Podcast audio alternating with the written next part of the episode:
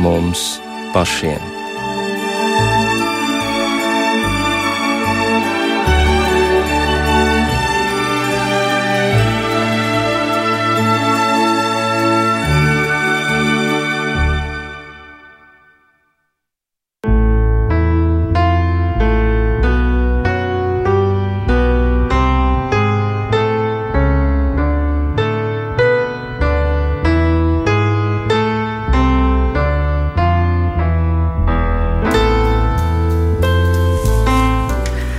Labvakar, redzījumā pāri mums pašiem, lai ir slavēts Jēzus Kristus. Studijā Inte Zēgnere par skanējumu rūpējas Rita Karnača, bet mūsu redzījuma viesis ir Salaspils Romas katoļu draudzes prāvests Ilmārs Tolstovs. Labvakar, Ilmār! Labvakar! Par vilšanos mēs šovakar runāsim, kāpēc tā ir kaitīga, īpaši no garīgā viedokļa, un galu galā šodien mēs dzīvojam sabiedrībā, kur mums apkārt ir tik daudz vilšanās. Un, tik daudz aizvainojuma, mēs veidojam plānus, mēs liekam cerības uz kaut ko, bet bieži vien nenotiek tā, kā gribētos, un tad seko ļoti dažādas vilšanās formas. Vilšanās ideālos, vilšanās politiķos, vilšanās draugos, vilšanās arī baznīcā vai kādā garīdzniekā vai pat dievā, ja mēs nesaņemam gaidīto. Un tai pašā laikā vilšanās, kā dvēseles stāvoklis, pirmkārt ir bīstams pašam cilvēkam, un patiesībā nav vērts pārāk ilgi sevī to kultivēt. Un tieši to es tev vispirms gribu vaicāt, kur ir tā bīstamība no garīga viedokļa. Var sacīt, ka tā ir pirmkārt garīga problēma.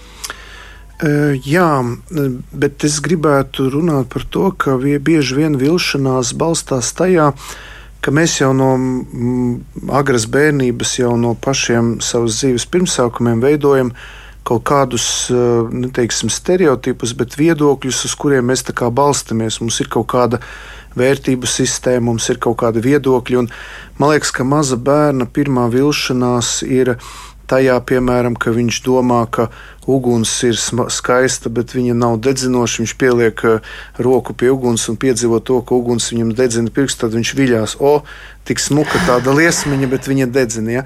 Protams, arī milzīga vilšanās notiek 11 uh, gadnieka dzīvē, kad viņš saprot, ka vecāki nav tādi ideāli, kādus viņš ir vēlējies vai domājis, ka viņš viļās vecākos, bet vilšanās arī dažreiz skolotājās, skolā, arī dažādi tādi ideāli, dažādi tādi uzbūrti, jeb pašizveidotas tādas ainas, tēli, kuru, kurus jau mēs no bērnības veidojam, kas ir mūsu dzīves laikā veidojās. Tad, eh, kad piedzīvojam šo tādu sakāvi tajā, ka mēs saprotam, ka mūsu E, paši izveidotie, paši izdomātie tēli vai kaut kādas tādas cerības, uz ko mēs esam likuši, viņas e, nu, nepiepildās, viņas izrādās ir citādākas un seko, protams, vilšanās. Bet tad jau tā ir problēma visas dzīves garumā. Tas jau varētu izklausīties tā, ka vispār tā ir vieta un savs konkrēts plauktiņš mūsu dzīvē, ka tam tā gandrīz jābūt ir, bet vai tā ir jābūt? Kaut kādā ziņā tas veicina izaugsmi, jo kaut vai tā pati pirmā vilšanās, kad mēs pieliekam roku pie uguns, tā mūs iemāca to, ka nevajag bāzt pirkstus, kur nevajag, un mēs no vienas puses viļamies, bet atkal veidojas pieredze. Arī no, saistībā ar vecākiem, autoritātēm, skolotājiem, ar dažādām citām lietām mēs viļamies, piemēram, arī mācoties. Bērns iet, jaunietis iet skolā, viņš apgūst dabas zinātnes, viņš viļās, piemēram, tādos bērnišķīgos priekšstatos un izpratnē. Viņš agrāk domāja, ka ir tā, vai piemēram lasīja pasaku grāmatas, ka tur kaut kas tur lidoja un griezās un kas, un pēkšņi viņš studējot matemātiku, fiziku vai citas zinātnes, atklāja, ka nemaz tā nav. Viņš tā kā kaut kādā ziņā viļās, jo viņa pasaku tēls vai tas iedomu tēls it kā sabrūk, e, tur rūķi vai kaut kādi tur salaveces, ja, ka izrādās dāvanas tur nenes salaveces vai arī lieldienu zaķis nenes solis un tā tālāk. It kā ir vilšanās, bet reizē tā ir arī izaugsme. Jo cilvēks nobriest, viņš caur to vilšanos e, atklāja jaunas lietas savā dzīvē, un kaut kādā ziņā var teikt, pietuvojas patiesībai. Patiesībai par nu, kaut ko, par dažādām laicīgām dabas zinātnēm. Nu, respektīvi, viņš tādā veidā iepazīst e, patiesību, iepazīst lietas ap sevi un varētu teikt, nobriest. Nu, tu varētu sacīt, paņēma tādu nu, ideālo vai idillisko gadījumu, kad mēs viļamies lieldienu zaķītī vai Ziemassvētku vecītī.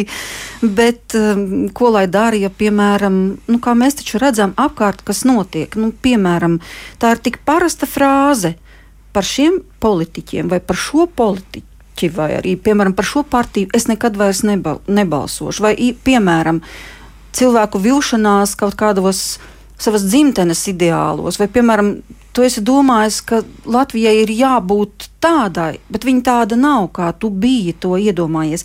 Tātad mēs radām priekšstatu, un tas neatbilst realitātei. Bet ir arī pamats, kāpēc neatbilst realitātei. Varbūt tāpēc, ka kāds ir rīkojies cūcīgi. Un tad ir jautājums, vai cilvēkiem ir tiesības uz vilšanos, vai tomēr, ja viņi šo vilšanos sevī akumulē, ar to katru dienu dzīvo, to audzē, uz tā balsta savu dzīvi, ka tas ir ļoti slikti viņiem pašiem, tieši no garīgā viedokļa. Tiesības mums ir, jo tā ir objektīvā realitāte. Mēs redzam, kāds rīkojās slikti. Vienalga, lai tas būtu draugs, paziņa, garīdznieks baznīcā galu galā. Tiesības mums ir, bet ja mēs ilgi paliekam šādā stāvoklī, nu, tas taču mums var ar ko beigties vai nebeigties. E, var teikt, ka filozofija kaut kādā ziņā mēģina mums palīdzēt, un um, arī savā studijās, kuras esmu tagad, paldies Dievam, veiksmīgi beidzis. Apsveicam! paldies!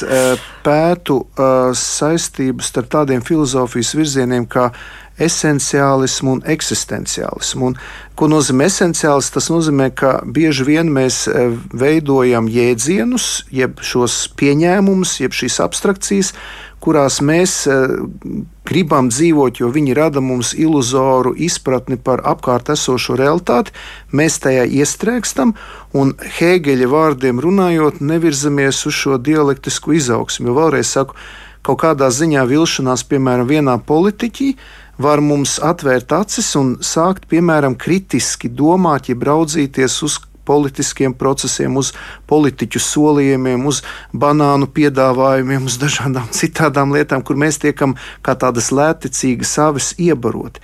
Tāpēc uh, var teikt, ka, eksistenciālisms tas nozīmē, ka es savu kā, cerību, savu, savu uzticēšanos balstu realitātē, nevis tikai jēdzienos, kur bieži vien ir nepilnīgi, bieži vien varbūt izplūduši un neatbilstoši realitātei. Tā kā var teikt, ka arī eh, Dievs caur baznīcu mūs aicina eh, savu um, dzīvi, savus uzskatus, vērtības, domāšanu balstīt realitātē, tādā, kādā to mums piedāvā Dievs, nevis tādu, kādu mēs to iedomājamies. Bet, protams, ka šajā pasaulē mēs jebkurā gadījumā um, esam apņemti ar jēdzieniem un pilnībā atbrīvoties no priekšstatiem, jēdzieniem, nezinu, iedomām, ilūzijām. Mēs nevaram, jo mēs esam tikai cilvēki un tāda ir mūsu uzbūve. Mēs tos vienkārši radām, uzbūrām paši, vai citi mums atkal tos rada.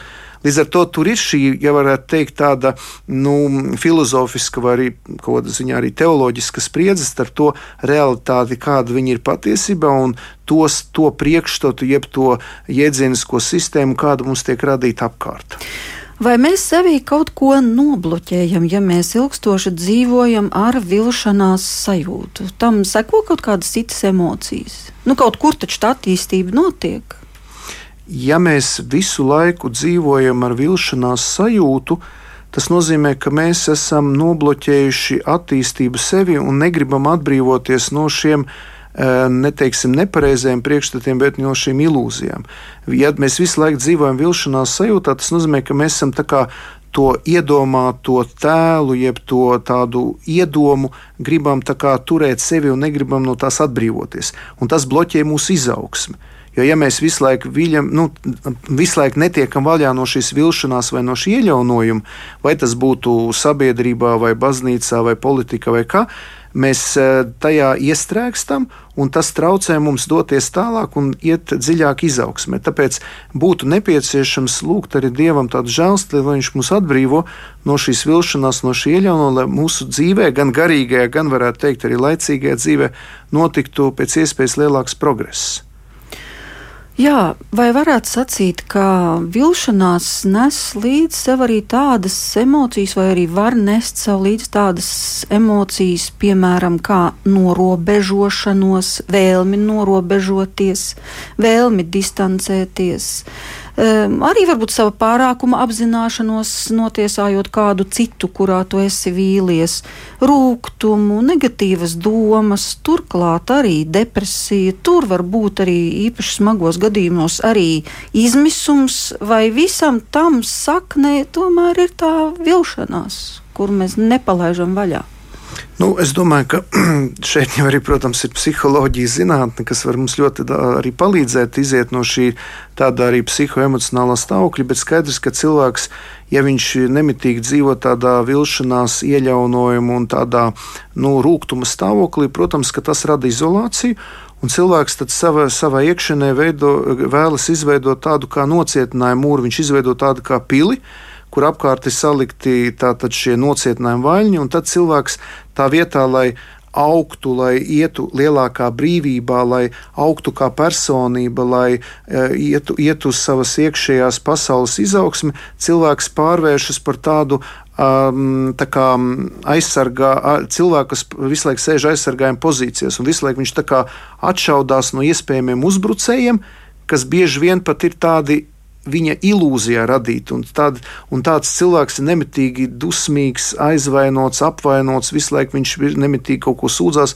Un apkārtējie cilvēki nevar saprast, viņi iet pie šī cilvēka klāt, un viņš visu laiku tikai pārmet. Viņš saka, jā, viss ir slikti, redziet, te viss neiet, pastieties kāda valsts, pastieties kāda baznīca, tie garīdznieki un tā tālāk. Un cilvēks ir visu laiku tādā neapmierinājuma stāvoklī. Tas nozīmē, viņš ir ieslēdzies sevi, izveidojis nocietinājumu un Eh, pazaudē to iekšējo garīgo un es pat arī teiktu šo psihoemocionālo brīvību. Tā kā šeit sadurās gan psiholoģiskā sfēra, gan, protams, garīgā, kas savstarpēji pārklājas un ietekmē to. Jo cilvēks ir piedzīvojis psiholoģisku traumu, viņš ir vīlies, viņš ir ieļaunojies, tas viņam bloķē arī iespēju garīgai izaugsmai. Ja, viņš vienkārši nobloķējies un nevar iet tālāk. Un, protams, te var palīdzēt gan psiholoģija, bet, protams, visvairāk arī lūkšana, uh, dziedināšana, aizlūgšanas. Ļoti daudz cilvēku, kas, piemēram, ir ieļaunojušies, jeb, jeb vīlušies baznīcā vai garīdzniekā. Es zinu, ļoti ir cilvēki, kuri, kuri ir ieļaunoti, piemēram, grēksūdzē, kad priesteris ir grēksūdzē cilvēku sāpinājis, tā rēta ir tik dziļa, ka viņi visu dzīvi nevar pārkāpt baznīcas slieksni un aiziet pie grēksūdzes vai vispār atgriezties ticībā. Tā kā tur tie bloki ir milzīgi, viņi ir daudz un dažādi, bet ja cilvēks grib garīgi un arī psiholoģiski augt, viņam ir jāiet šis brīvības ceļš.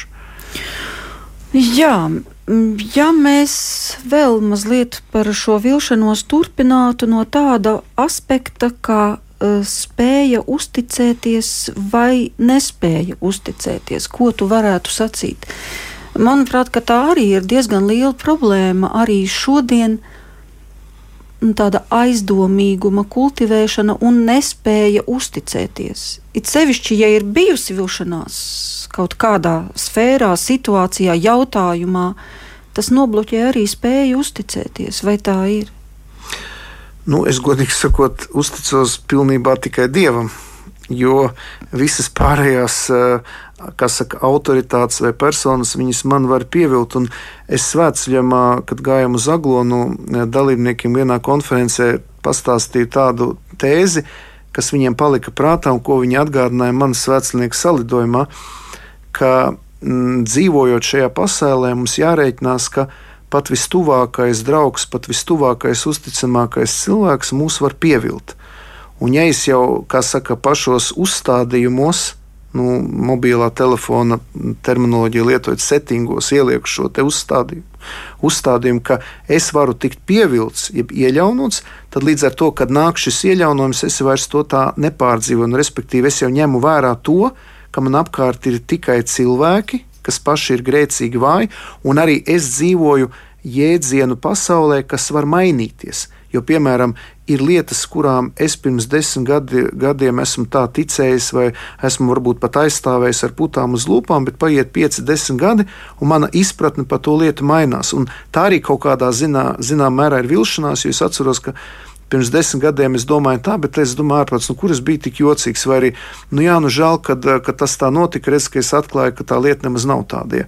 Tā kā saglabāt šādu, varētu teikt, veselīgu stāvokli dispozīciju, ka mani var pievilt, es varu vilties, eh, es, man ir arī jāatkāpjas no saviem kaut kādiem uzskatiem, kuri man ir iesīkstējušies, vai kurus, kuros es gribu dzīvot, par labu tam, ka, kad izaugsmes dēļ man nākas arī kaut kādā ziņā atteikties no kaut kādiem uzskatiem, viedokļiem, priekšstatiem par cilvēkiem, par sistēmām, par, tā, par, par to, kas man ir apkārt.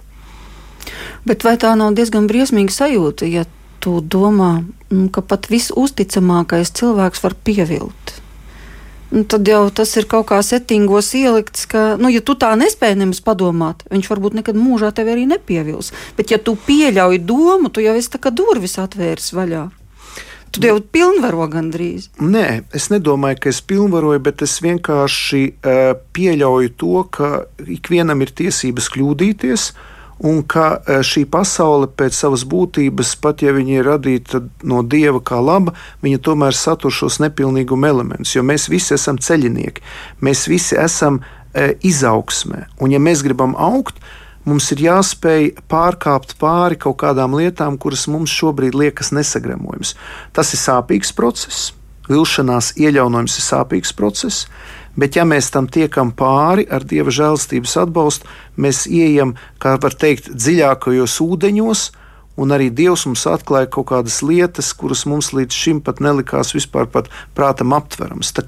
Tas paplašina mūsu redzes loku, apvārsni, e, iekšējo brīvību un palīdz veikt mūsu šajā dzīvē daudz lielākas lietas, nekā mēs līdz šim darījām. Runājām par vairākiem vilšanās aspektiem, bet parunāsim arī par to, ko Bībele saka par vilšanos. Tur arī ir apskatīti, tur vispār ir kādi vilšanās gadījumi. Nu, visa Bībele ir milzīga vilšanās. Ne pati Bībele, bet, bet, bet tie grāmata, notikumi, bet, jā, teksts, jā. Nu, respektīvi vēstījums. Jā. Jo, principā, īpaši vecā derība, tas ir stāsts par to, kā Dievs sevi atklāja. Un eh, te pat ne tik daudz par vilšanos, bet par priekšstatu, priekšstatu maiņu.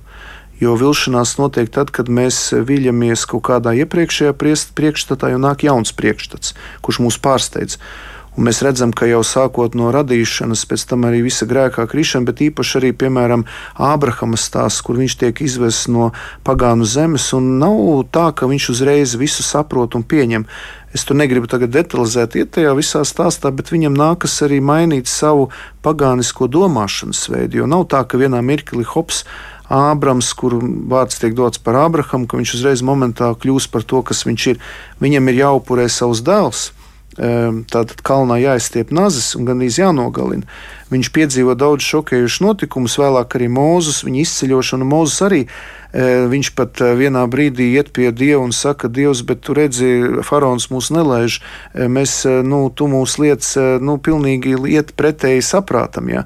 Un viņiem bija arī, jā, tā, tā, gandrīz katrā īpaši vecās derības stāstā ir pilnīga revolūcija šo cilvēku prātā, jā. Viņu priekšstati, viņu kaut kādi domas par Dievu, par, par apkārtējo pasauli, un tad nāk Dievs, atklāsmes veidā un atklāja patiesību par sevi un par viņa plānu attiecībā uz tautu.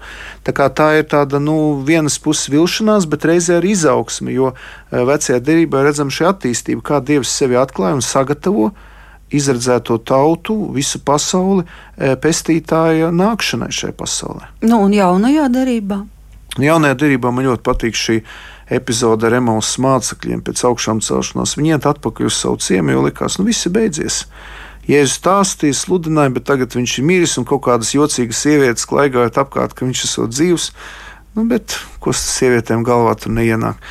Un tad iet eh, viens svešinieks viņam klāt, un, viņi, un viņus, viņš sāk viņiem skaidrot rakstus, un tad uh, viņi saka, vai te jums nevajadzēja ticēt tam, ko Jēzus bija teicis. Un, un ko viņš bija apsolījis, eh, jau, jau kas bija apsolīts vecajā derībā par viņu. Un tad viņi saka, Nu, tad viņš grib aiziet šis noslēpumainais svešinieks projām, Un tad mācekļi saka, nu, pa, paliec ar mums, vakars jau metas. Un tad viņi pie maizes laušanas atklāja, ka tas ir Jēzus. Viņi saka, vai tad mūsu sirdis nedeg, ka viņš mums skaidro rakstus. Ja? Tad emaus mācekļu vilšanās pēc lieldienām, bet pēc tam tā milzīgā, milzīgais atklājums, šokējušais atklājums, ka Jēzus ir dzīvs. Man vienmēr šis uh, fragments uzrunā, bet arī pašu mācekļu vilšanās, jo lielajā piekdienā viņi aizbēga, viņi viļās. Viņi bija cerējuši, ka Jēzus būs pavisam citādāks ka viņš būs prezidents. Šodien es lasīju arī, kur Zebedē dēļ atnāk, nu, lūdzu, iekārto mūsu siltās vietiņās, lai mums būs kāds portfelis, mums būs nodrošināta dzīve. Pie labās rokas Jā, un pie kreisās. Nu, lūdzu, un tad, saku, nu, tā nav man darīšana, jums būs jāatdzēt ciešana biķers, jo arī mācekļus pavada maldīgi, nepareizi e, mesijāniskie priekšstati par Jēzu. Tāpēc ir Jēzus aizliedz e, runāt līdz lieldienām, jo mācekļi visu laiku domā, ka viņš nodibinās politisku valsti, viņiem būs silts vietiņas, viņš atbrīvos tautu no romiešu okupācijas, viss būs kārtība, viss būs skaisti. Un kad Jēzus saka, kad viņš kāp no apskaidrošanas kalna, Jēzus saka, ka viņam vajag iet mirt Jeruzalemē un trešajā dienā augšām celties, Un eh, Pēters saka, nu, lai tev tas ir tālu no tevis. Un ko Jēzus saka Pēterim? Atkāpies no manis sātana, jo tu nesaproti to, kas ir cilvēks. Tad visa, var teikt, jaunās derības vēsture, visi šie trīs uh, gadi, ko šie sludināja, ir nemitīgs mēģinājums mainīt šo mācekļu priekšstatu, bet, protams, vislielākā izmaiņa notiek caur um, paskāliem, jeb lieldienu notikumiem, kad mācekļi lielajā piekdienā izklīst, Pēteris nodod Jēzu, Jūdas nodod Jēzu un izdara pašnāvību, un pēc tam šī satikšanās ar augšām cēlušos kungu, šīs Jēzus parādīšanās, kur mācekļi caur vilšanos, caur sakāvi, caur iznīcību, caur kenozi, caur satriektību, sadragātību, viņi piedzīvo jaunu augšām celšanos. Un tad jau šie mācekļi izgājuši cauri ciešanu, kā saka, slīpēšanai un šim, šim, šim kā saka, dedzinošai ciešanu ugunī. Viņi ir pilnīgi citi mācekļi, jau ar, ar svētā gara spēku dodas drosmīgi sludināt evaņģēlī. Nu, tā ir visgrandiozākā vilšanās, kas ir notikusi pasaules vēsturē, kas norisinājās lielajā piekdienā pie krusta. Jo viss likās, ka ir beidzies. Ir totāla, absolūta sakāve. Mesiju, ilgi gaidīto glābēju, noņem no krusta, ieliek svētākās jaunavas Marijas ciešanu mātes rokās, gulda kapā, pieviļ lielu akmeni un viss, un āmen, uzredzēšanos. Atā. un tad pēc tam, protams, seko pavisam kaut kas cits, seko milzīga sprādzienu veidīga atklāsme par to, ka viņš ir dzīvs, viņš ir augšām cēlies, dzimst baznīca, izlējās svētais gars, un, un mēs redzam, tagad ir katoliskā baznīca 1,3 miljardi ticīgiem, plus vēl citas konfesijas un visa kristīgās ticības vēsture. Caur milzīgu vilšanos, caur milzīgu sakāvi dzimst uh, kaut kas pilnīgi jauns. Jā, tu minēji Emaus mācekļus, un tā laikam ir viena no tādām aizkustinošākajām epizodēm, kad viņš jautā viņiem, nu, tur, ko jūs bēdājaties, un, un, un viņi saka, un mēs domājām, ka viņš atjaunos Izrēlu. Mēs cerējām, mēs cerējām mēs ka cerējām. viņš atjaunos Izrēla valsti. jā, jā. Viņi pilnīgi, un tur ir tā lieta, ka tā vilšanās kļūst par milzīgu izaugsmes potenciālu. Liekas, ka it kā cilvēki viļās, un liekas, tā ir traģēdija, Viņi ir kā zaudētāji, bet pēc tam caur to viņi izējot, iegūst pilnīgi jaunu perspektīvu. Viņi ieiet pilnīgi jaunā dzīvē, un tas, es domāju, tas Jā, bet vērtīgais. kam ir jānotiek, lai tas tā notiktu? Nu, tagad, atgriežoties pie mūsu ikdienas, Bībelē skaisti redzam, tas tā notiek. Bet kam ir jābūt, lai tas mūsu dzīvē īstenotos? Lai nebūtu tā, ka 40 gados vilšanās, 50 atkal tā pati vilšanās, un vien, tu dzīvo ar to vilšanos līdz pašai pensijai un nāvei. Un, ja? kā, kā transformēt to? Nu, gribās tomēr man citēt Richardu Roru un par šo kritienu augšup. Un tomēr, lai būtu izaugsme, ir kaut kur jāviļās. Un es negribu teikt, ka Bet, vilšanās. Mēs nepaliktu. Jā, nu, redz, pati, pati vilšanās runāju. nav nekas labs, bet Dievs pieļauj mūsu dzīvē satricinājumus, gan fiziskus, gan psihoemocionālus, gan arī ideiskus satricinājumus. Arī manā dzīvē, caur manām doktorantūras studijām, man nācās piedzīvot manas kristīgās ticības, katoliskās ticības satricinājumus. Kādā veidā? Nu, caur studijām man nācās atteikties no maniem, jā, varētu kaut kur teikt, bērnišķīgiem, infantīliem, varbūt pašizdomātiem, pašizveidotiem, iestāstītiem priekšstatiem par Dievu, par baznīcu, par, par daudzām citām garīgām, arī filozofiskām lietām. Un es neuzskatu, ka es jau esmu sasniedzis pilnību un es visu zinu. Arī joprojām es esmu gatavs jaunām vilšanām attiecībā uz Dievu, uz baznīcu, uz savu ticību, uz savu priesterību, uz savu draugu, uz citiem cilvēkiem. Un es esmu gatavs tam, zinot, ka ja es to pareizi izdzīvoju, tā kā to māca evaņģēlis, ka to paredzēs man Kristus, ja es to pareizi izdzīvoju, manā dzīvē var notikt vēl lielāks progress. Ko nozīmē pareizi izdzīvot? Tas nozīmē saredzēt tajos notikumos. Um, laika zīmes, kuras es nolasu evaņģēlī gaismā. Tas nozīmē saskatīt dieva apredzību, ka tas manā dzīvē nenotiek nejauši, un pieņemt to kā tādu mācību, jeb kādu iespēju eh, pārdomāt, kāpēc tas ar mani tā notiek un ko es no tā varu mācīties. Un varētu pat teikt, tā vilšanās tā kā manā domāšanas sistēmā atbrīvo teritoriju kaut kam pilnīgi jaunam. Es tā kā nepalieku tādā, tas ir sāpīgi, tas man rada satricinājumu, tas man kā, manu pamatu sašūpo, īpaši kas attiecās uz ticību dievam, vai arī uz baznīcu, vai uz kaut kādām citām sistēmām, kurām es pieredzu. Tas mani sašūpo. Bet es tajā sašūpošanas stāvoklī, ziniet, ka tu esi uz tāda plosta un nāk viļņu, viņš to sašūpo, bet tev lec atkal uz nākamo plostu. Šis šūpojas, un tu meklē atkal nākamo daudz stabilāko plostu, lai nenoslīgtu. Tas ir šis leciens, Kirkegors runā par, Sērens Kirkegors runā par šo lecienu ticībā, kad es nepalieku tādā stāvoklī, kur es esmu, bet es esmu gatavs uz šo jauno lecienu meklēt kaut ko jaunu, meklēt jaunus apvāršus un horizontus. Jā, nu, protams, tas acīm redzot arī ir atkarīgs no tā, cik cilvēkam ir gadu, bet paņemsim tādu pavisam ikdienišķu un ļoti pazīstamu situāciju. Pieņemsim, cilvēkam ir 70 vai 75, varbūt vēl vairāk. Viņš ir pensionārs ar ļoti mazu pensiju. Viņš ir visu mūžu cītīgi strādājis. Un šobrīd jūtas, piemēram, aplaupīts savā vecuma dienās, jo viņa uzskats ir, ka viņam nepienācās tādas vecumdienas, bet gan tomēr daudz labākas, cerīgākas, mm -hmm. skaistākas. Tad ko iesākt ar šo vilšanos? Lai viņš pats nebūtu zaudētājs. Nu, Pie visa tā, kas materiālā pasaulē viņam ir, vai precīzāk sakot, nav. Protams, ka tā, tā ir traģiska vilšanās un patiešām Mūsdienās īpaši pensionāru gados vecāki cilvēki dzīvo ļoti nabadzīgi un lielā trūkumā. To es redzu arī apmeklējot slimniekus mājās, tiekoties cilvēkiem.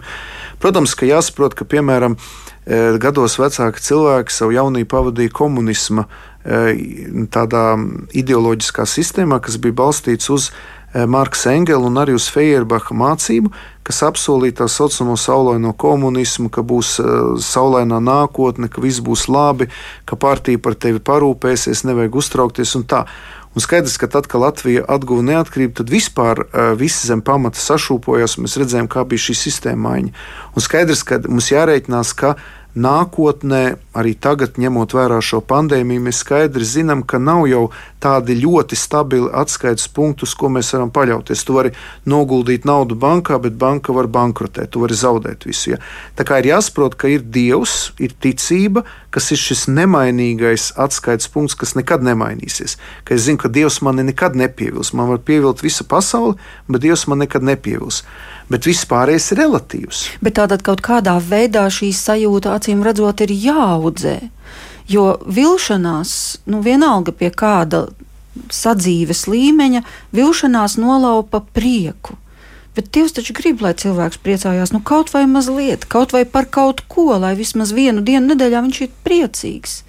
Un tad tā, tā, tā sajūta viņa prieku nolaupa. Nu, vajadzētu kādu franciskāņu tēvu uzaicināt, runājot par svētā Franciska prieku. Protams, ka es šobrīd nedrīkstu arī visu tā banalizēt, jo Mēs zinām, ka māte Terēza, kad viņa redzēja vienu, lepra, vienu slimnieku, kas bija ar tārpiem sēsts, un viņš mira Kalkutas ielās, un viņa teica, nu, nu pacieties šīs sāpes, ka tu mirsti, tā kā ir tie Jēzus skūpsti. Un tad šis te nabaks teica, nu pasaki tam savam Jēzum, lai viņš man beidz skūpstīt. Ja? Tam cilvēkam, kas cieš, viņam viegli pateikt, nu esi priecīgs. Ja? Bet tomēr mēs redzam, ka svētais Francisks um, savā dzīvē un mācībā tomēr mācīja iegūt šo pārdabisko prieku un kristietis. Viņš uh, zina, ka vai nu priecīgos vai bēdīgos brīdo, brīžos vai pārticībā vai nabadzībā uh, viņa prieka pamats ir Dievs, ir Kristus, un tad viņš var slavēt Kristu. Ja. Kā, Bet Krist... tas acīm redzot, ir jāpiedzīvo. Ar teoriju te būs par maz. Tā ir pārdabiska žēlastība tas nav uh, pasaulīgs prieks vai kaut kāds autogēnais treniņš vai kaut kāda psiholoģiska metode. Uh, kristīgais prieks izriet no dieva žēlstības, tā ir pārdabiska dieva dāvana. Par to arī Pāvils Francisks runā savā pamudinājumā uh, Gaudētē exultāti, pavisam nesen izdots latviešu arī. Par to, ka kristieša prieka avots ir pārdabisks.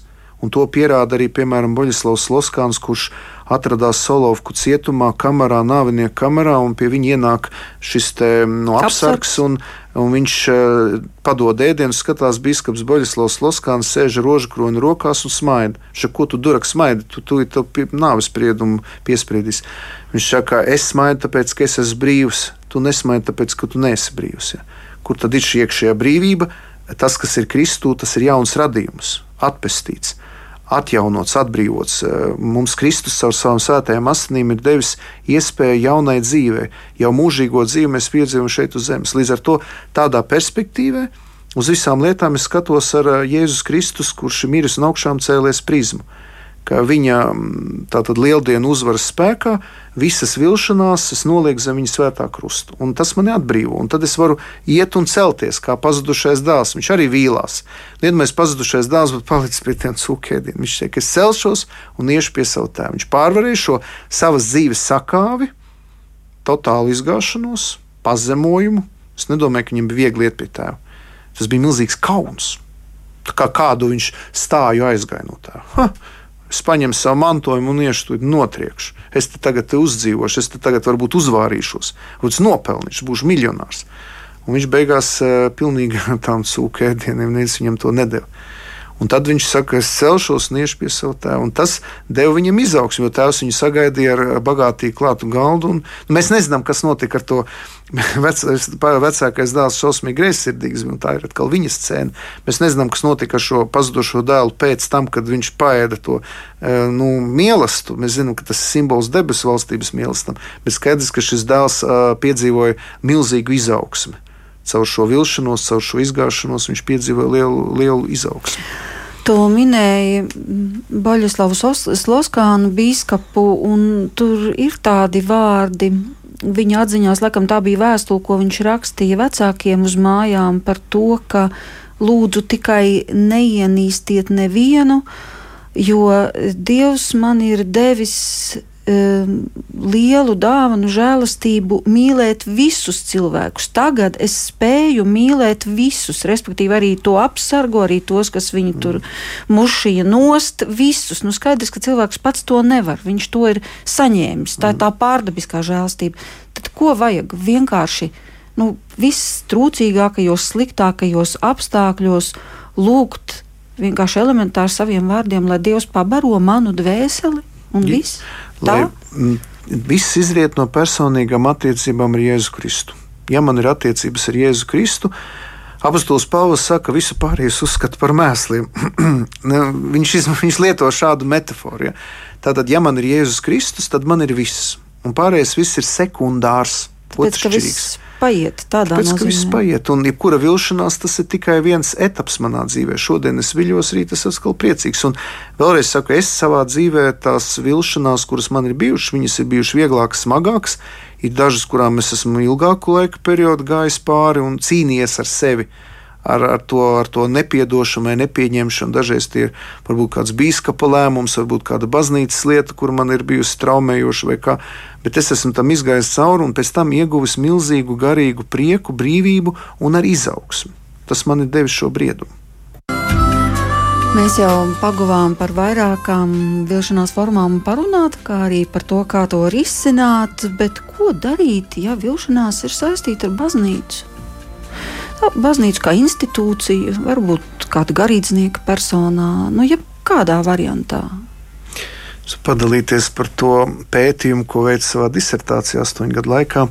Es pētīju tā saucamo tādu ekleziamonismu, kas nu, tādā vienkārši valodā sakot, nozīmē, ka baznīca ir liela problēma, ka viņa pārāk identificējas ar Kristu. Protams, ka noslēpumainā veidā mēs zinām, ka baznīca ir Kristus dibināta, Kristus vēlējies baznīcu, visa viņa dzīve bija eklezio radoša, tas ir nu, ar vēlmi dibināt baznīcu.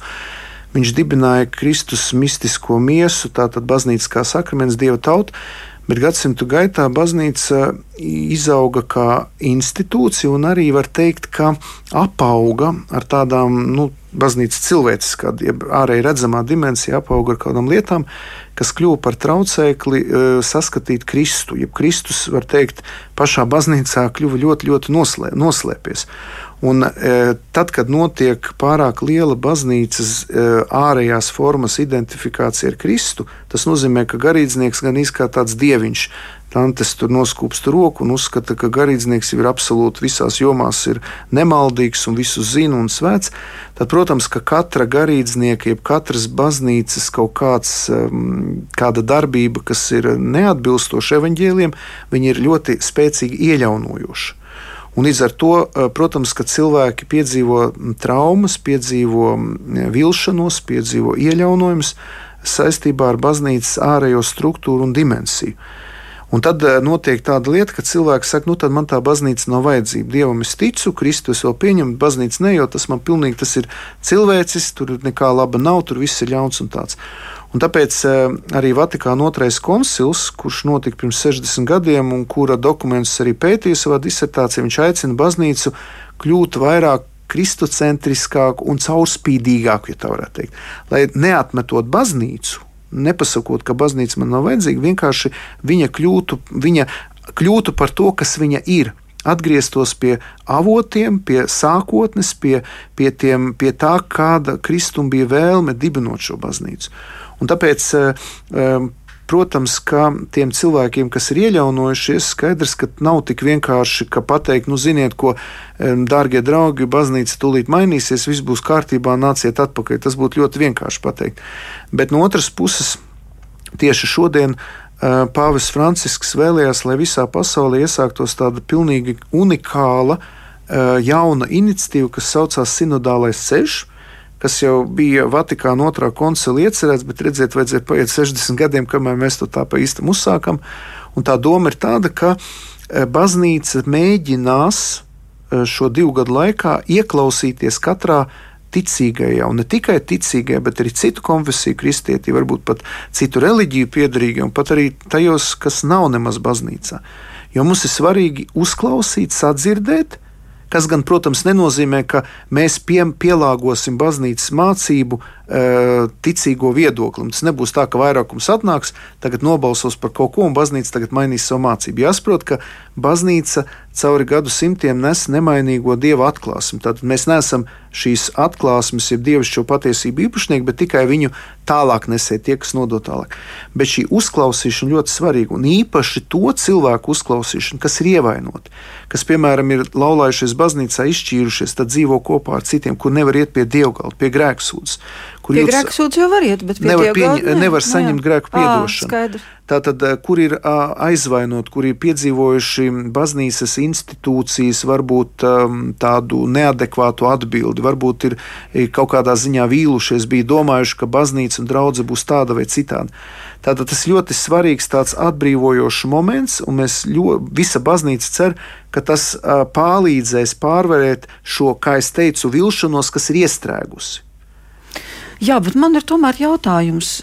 Nu, kāda nozīme veikt tādu tik visaptverošu aptauju, ja baznīca negrasās, kā es ceru, atkāpties no tās vēsts, kas tai ir uzticēta, tālāk nest?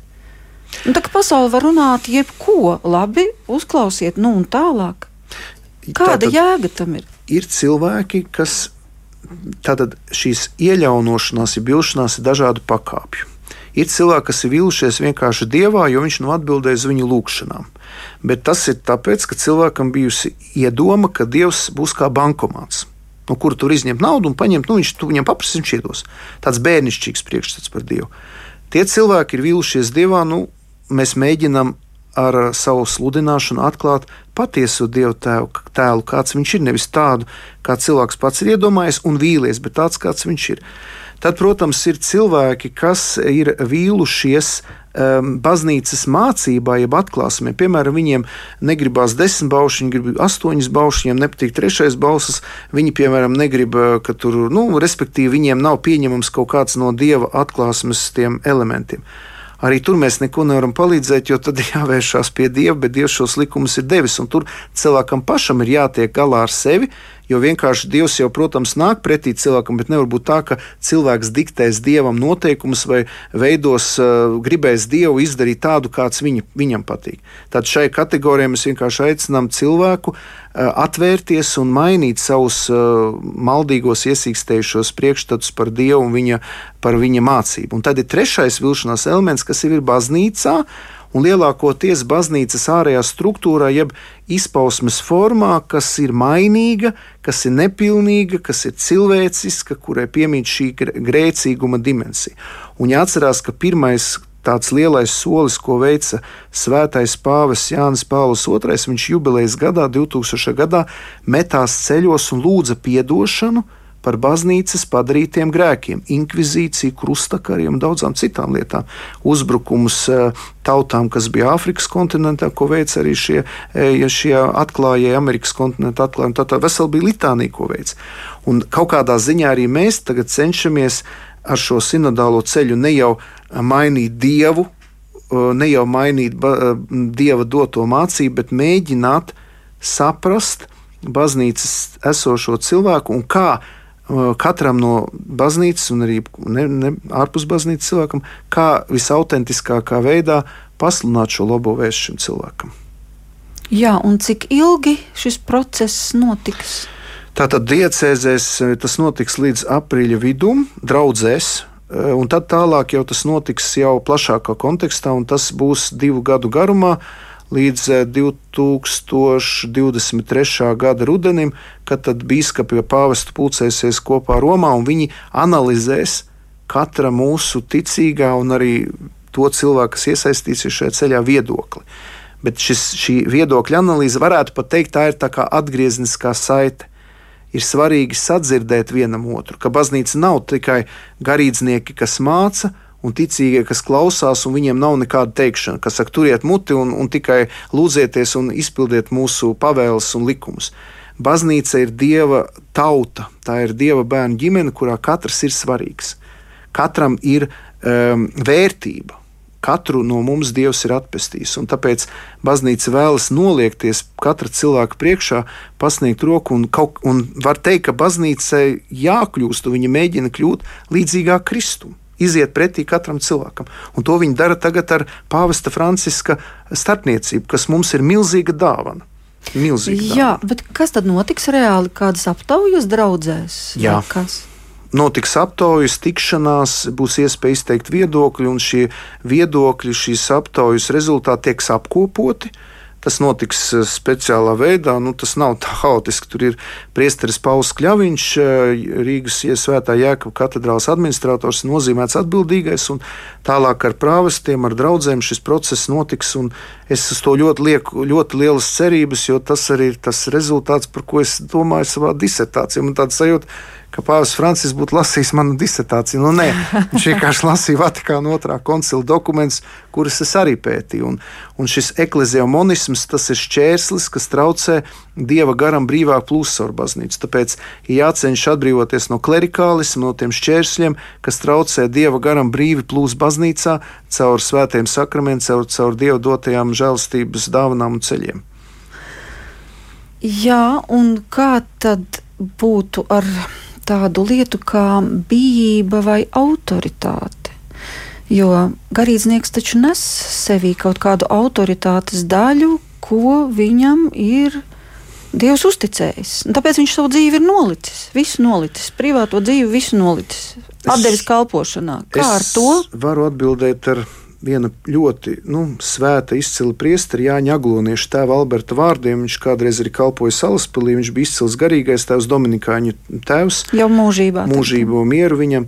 Viņš pirmajā kursā seminārā pateica ļoti svarīgus vārdus, ko es visu mūžu atcerēšos. Viņš, saka, viņš teica, brālīši, viņam bija tāds teicis, brālīši, lūdzu, neuzsveriet savu priestera varu, jums viņa ir dota pati no sevis. Esiet pazemīgi, kalpojiet, neuzsveriet savu varu. Tāpēc baznīcā vara nav domāta, lai valdītu kā grieķu despotes, bet kirijos, lai būtu tāpat kā Kristus, eh, ļautu sev, kā saka, ļautu Kristum eh, būt centrā. Jā, un izmantojot tavu klātbūtni redzējumā un tev kā priestrim doto varu, gribētu arī īsu lūgšanu par atbrīvošanu no vilšanās, kur vien tas ir iespējams. Dieva tēva un dēla un svētā gara vārdā Amen. Kungs, mēs e, īpašā veidā šodien lūdzam par visiem tiem, kuri ir e, tikuši ievainoti no baznīcas, kaut kādā veidā sāpināti caur garīdzniekiem vai caur kādām baznīcas dimensijām vai institūcijām vai jomām. Pieskaries katram mūsu sirdīm, palīdz mums tikt pāri šim aizvainojumam, vilšanām un atver mūsu sirdi svētā gara klātbūtnē un tav, tavam dinamismam, ko tu gribi vēlēties dot caur baznīcu. Un dari arī, lai baznīca kļūtu, ja tā var teikt, caurspīdīgāka un lai baznīcā vēl vairāk būtu redzams Kristus. Un tiešām pieskaries un dziedini katra mūsu sirdi. To mēs lūdzam Jēzus Kristus vārdā. Amen! El Shaddai, El Shaddai, El Elyon Adonai. Age to age, you're still the same by the power of the name El Shaddai, El Shaddai, Adonai. We will praise and lift you high, El Shaddai.